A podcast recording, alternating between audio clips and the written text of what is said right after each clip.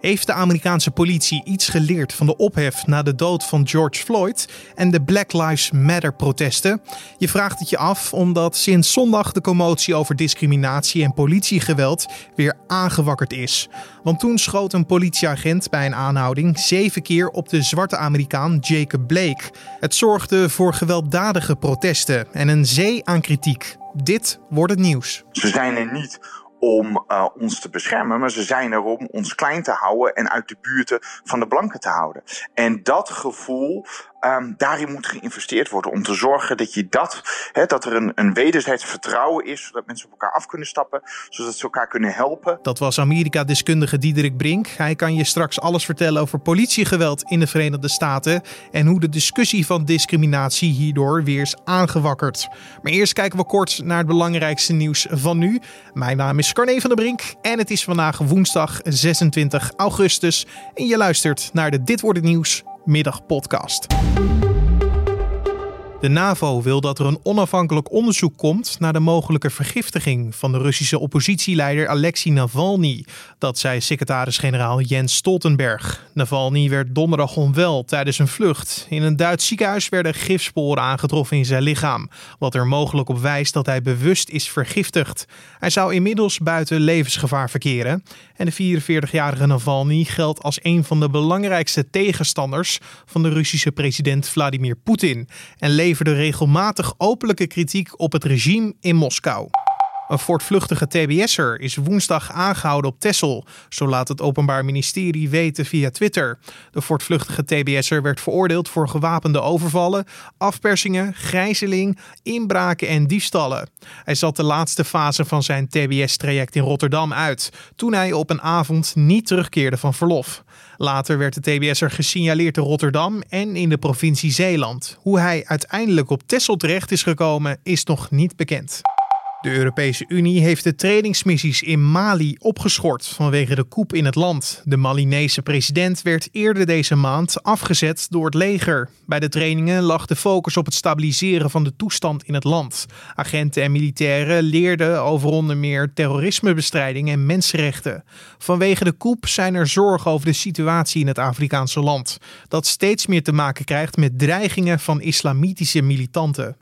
Daley Blind traint voorlopig niet mee bij Ajax. De verdediger die dinsdag in het oefenduel met Hertha BSC in elkaar zakte, maakte het naar omstandigheden goed, maar wordt wel nader onderzocht. Na afloop van de wedstrijd nam Ajax-trainer Erik ten Hag wel de meeste zorgen weg door te zeggen dat de inwendige defibrillator bij Blind was afgegaan. Blind speelt hiermee sinds hij eind vorig jaar in het Champions League duel met Valencia uit het niets naar de grond ging. In de onderzoeken die eruit volgden bleek Blind een ontstoken hartspier te hebben gehad. Daardoor kon hij toen twee maanden niet voetballen. They shot my son seven times like he didn't matter. But my son matters. He's a human being and he matters. Je hoorde hier de vader van de 29-jarige zwarte Amerikaan Jacob Blake, die zondag bij een aanhouding in Wisconsin zeven keer door een politieagent werd beschoten en uiteindelijk vier keer werd geraakt. Op het moment van opnemen wordt Blake nog behandeld aan zijn verwondingen en vecht hij dus voor zijn leven. Verder weten we niet waarom de politie hem wilde arresteren en waarom er werd geschoten. Het zorgde in ieder geval voor extreem veel ophef en nu al drie dagen op rij gewelddadige protesten in Wisconsin, waarbij nu al drie mensen neergeschoten zijn, van wie twee het niet hebben overleefd. Heeft Amerika in zijn politiekorpsen niks geleerd van de onrust na de dood van George Floyd? Hij kwam bijna drie maanden geleden om het leven door politiegeweld. We vragen het aan Amerika-deskundige Diederik Brink. Ik denk dat op dit moment uh, de verhoudingen tussen politiekorpsen en uh, Afro-Amerikanen in de Verenigde Staten heel erg uh, verstoord is. Zeker in een aantal steden en staten. Uh, en het proces om daarvan te leren, ja, dat vraagt ontzettend veel moeite en ontzettend veel tijd. En wat dat betreft komt dit nieuwe incident vrij snel op, de, uh, op het oude. En geeft het alleen maar meer aan hoezeer er in de politiepraktijken en in de verhoudingen met, met burgers ontzettend hard geïnvesteerd moet worden. En dan hebben we het over uh, politieagenten die andere technieken voor de-escalatie moeten leren. Het gaat erom hoe burgers het vertrouwen kunnen hebben dat agenten er zijn om hen te beschermen en te dienen. En uh, niet om hun klein te houden of om te controleren. Hè, want die gevoelens leven er heel erg in de Afro-Amerikaanse gemeenschap in Amerika. Ze zijn er niet om uh, ons te beschermen, maar ze zijn er om ons klein te houden en uit de buurten van de blanken te houden. En dat gevoel, um, daarin moet geïnvesteerd worden om te zorgen dat je dat, dat er een, een wederzijds vertrouwen is, zodat mensen op elkaar af kunnen stappen, zodat ze elkaar kunnen helpen.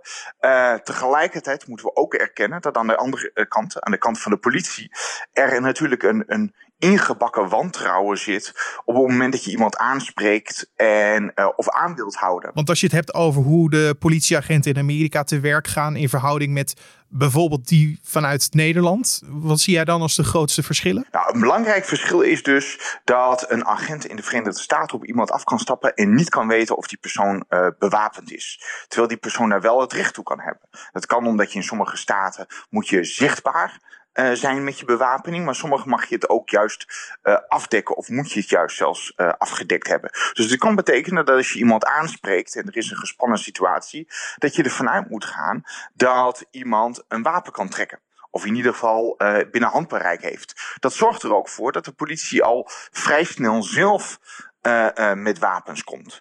Tegelijkertijd denk ik dat het ook een stukje kwaliteit is. Hè, politiekorpsen zijn vaak zelf uh, verantwoordelijk voor het opleiden van hun agenten.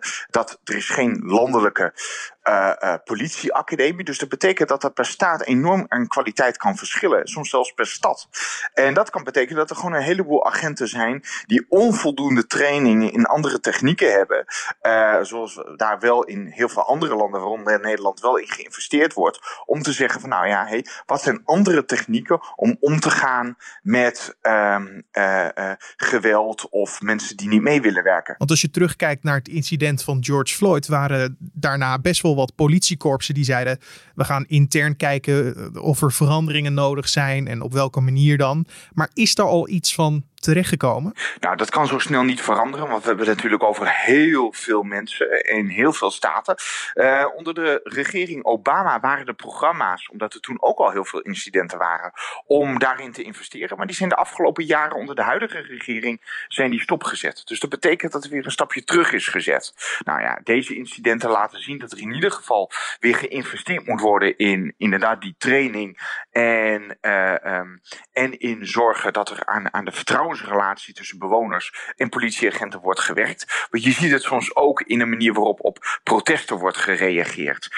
en, en aan, aan de ene kant kan het soms zijn dat, dat extremisten aan de linker of de rechterzijde de vaak, vaak wat, wat vreedzame protesten kapen om hun gewelddadigheden te kunnen plegen. En tegelijkertijd zien we agenten soms op een manier op, op, op ongewapende burgers reageren die alleen maar als gewelddadig en excessief kan worden bestempeld.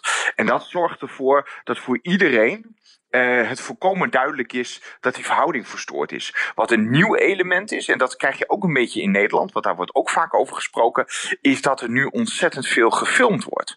En um, Waar dat soms kan gebeuren van, nou ja, weet je, ik ben boos over de bekeuring die ik krijg, dus laat ik kijken of ik die agent kan shamen. Zie je dat in de Verenigde Staten het vaak ook een manier is om te laten zien van, hé, hey, de, de, de autoriteit en bijna de onaantastbaarheid van agenten die er was, wankelt nu wel door de video's. Ja, want het incident rond George Floyd, Jacob Blake en nog tientallen anderen zijn allemaal gefilmd en online gegooid op uh, social media kanalen. En jij zegt dat heeft dus heel veel uitgemaakt voor de perceptie van de politieagent in de VS? Heel veel agenten waren eigenlijk altijd in het voordeel. Uh, ook omdat ze vanwege hun autoriteit werden geloofd. Ook omdat uh, er vaak ja, tegenstrijdige getuigenissen lagen. Waardoor een aanklager uiteindelijk toch niet voldoende kon doorpakken. Veel aanklagers wilden dat ook helemaal niet. Omdat ze niet de politie tegen de haren in wilden strijken. Uh, maar met de komst van video's, en dat kunnen bodycams zijn die agenten zelf dragen. Of het zijn de mobieltjes die omstanders bij zich hebben.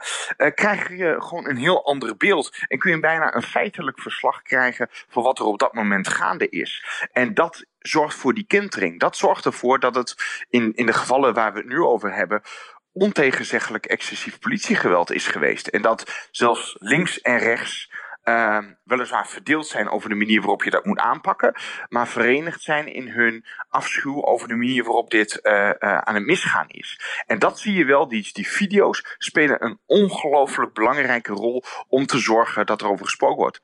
Dan is er nog één een ander element. En dat is het aspect van qualified immunity, wat nu ter discussie staat in het Amerikaanse congres. Er zijn politici uh, van meerdere partijen die nu zeggen van jongens, uh, we moeten um, uh, die, de, de, zeg maar de wettelijk beschermde status van bijvoorbeeld politieagenten, moeten we wat aan gaan veranderen. Nu is het zo dat in feite een agent voor heel veel misstanden of, of gewelddadigheden eigenlijk gevrijwaard is van juridische vervolging. Als je wil dat iemand of wordt ontslagen of wordt aangeklaagd, heb je een hele hoge bewijslast om iemand daarvoor op te kunnen pakken of aan te kunnen klagen. Nou, dat zorgt voor een disbalans. Hè. Dan kan het bijvoorbeeld zijn dat er, en dat gebeurt bijvoorbeeld in Kentucky, bij um, de schietpartij van Breonna Taylor, er zijn agenten het verkeerde huis binnengebanjerd met getrokken wapens. Zij kwam verward uit bed en is door meerdere politiekogels om het leven gebracht. Um, niet alleen waren de agenten in het verkeerde huis, ze hebben ook nog eens geweld gebruikt tegen een ongewapend iemand die in haar eigen huis verrast werd door de politieinval.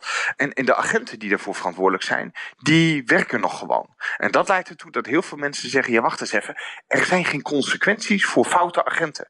En het draagt ook bij aan het vertrouwen in de relatie tussen politie en bewoners of burgers, als foute agenten ook gewoon gestraft kunnen worden. Ja, en wat je dus nu ziet als reactie zijn vele protesten al maandenlang. Uh, het is nu echt weer vol aangewakkerd door het schietincident. In Wisconsin zie je dat het ook gepaard gaat met veel geweld. Maar overschaduwt het geweld dan niet de boodschap waar het eigenlijk om zou moeten draaien? Precies. Nou, wat, wat, eigenlijk is, is dat het, het komt tot een kookpunt. En elke keer wanneer je denkt dat, dat de temperatuur ietsje zakt, komt er een incident wat weer de boel laat overstromen. Uh, het laat zien hoe ongelooflijk onveilig sommige groepen zich voelen. Uh, daarbij moet je ook zeggen dat er ook bepaalde groepen zijn die hè, van, van extreem links tot extreem rechts, die de gewelddadigheden opzoeken om, om de confrontatie met elkaar aan te gaan. Um, maar het gros van de demonstranten zijn gewoon mensen die hun boosheid en hun angst uh, willen laten merken. En voor het eerst, hè, want er zijn eerder dit soort protesten geweest, voor het eerst zie je dat over alle groepen aan de samenleving, blanca, Afro-Amerikanen, Latino's, dat die angst gedeeld wordt. Dus het is iets wat een grote meerderheid van de Amerikanen zich achter schaadt, dat die verhouding tussen politie en met name Afro-Amerikanen minderheidsgroepen uh, verstoord is. En daarom blijven die uh, protesten ook doorgaan. Ze zijn divers en ze zijn enorm energiek om te laten zien er moet iets veranderen. Maar we kunnen denk ik wel concluderen dat dit probleem niet zomaar 1, 2, 3 is opgelost. En dat het wel echt een lange adem vergt. Hè? Dat gaat ontzettend lang duren. Dat gaat ontzettend lang duren. Alles wat betreft de wetgeving die daaraan vooraf zou moeten gaan, dat is ontzettend complex in de huidige uh, verdeelde en gepolariseerde politieke klimaat. En alles als het gaat om training, bewustwording en, en het opbouwen van vertrouwen, daar gaat, dat gaat jaren aan intensieve programma's aan vooraf. En uh, daar kun je natuurlijk niet vroeg genoeg mee beginnen. Uh, maar de vraag is, uh, wanneer uh, starten ze dat weer op? En afsluitend zou je ook kunnen zeggen dat al het goeds wat verschillende korpsen door het land al hebben gedaan, nu weer teniet gedaan worden door incidenten. Precies. Er zijn heel veel voorbeelden van steden waar de verhoudingen beter liggen. Er zijn ook inderdaad voorbeelden van politieagenten uh, en mensen uit de politieleiding die met demonstranten meelopen of die een andere technieken toepassen om te zorgen dat ze de boel managen en begeleiden. En dat is iets wat um, overschaduwd wordt door de incidenten. Want laten we eerlijk zijn, er zijn heel veel demonstraties en protesten. Er is ook een heleboel geweld in een aantal staten en steden. Maar Amerika Amerika is zo groot, dus je kunt zeggen dat in de grootste gedeelte van het land uh, het, het best heel erg goed gaat. Alleen de demonstranten laten uh, zien dat er structureel iets moet veranderen. Maar gelukkig zijn er ontzettend veel politiekorpsen waar daar al aan gewerkt wordt. Dat was Amerika-deskundige Diederik Brink over de onrust die is ontstaan in de VS door het schietincident op Jacob Blake. En dan het weer. Hoewel het de hele dag stevig heeft gewaaid door zomerstorm Francis, neemt de wind wel langzaam af. Vanavond trekt de regen naar het oosten weg en is het op veel plaatsen droog. Er zijn wolkenvelden, maar de zon kan ook nog voorbij komen. Het koelt verder af naar 11 tot 14 graden. En morgen is het rustig weer met enige tijd zon en hooguit een lokale bui. In de namiddag en avond neemt vanuit Zeeland de buiigheid flink toe. En het wordt morgen 19 tot 22 graden. En om af te sluiten nog even dit. FC Barcelona heeft woensdag bevestigd dat Lionel Messi na een periode van bijna 20 jaar een transfer wil maken. De Catalaanse club hoopt de sterspeler echter voor de club te behouden. Het transferverzoek van Messi volgt na een slecht seizoen van Barcelona. De Catalanen grepen naast iedere prijs en werden op pijnlijke wijze uitgeschakeld in de Champions League. Enkele dagen na de uitschakeling werd Ronald Koeman aangesteld als de nieuwe trainer.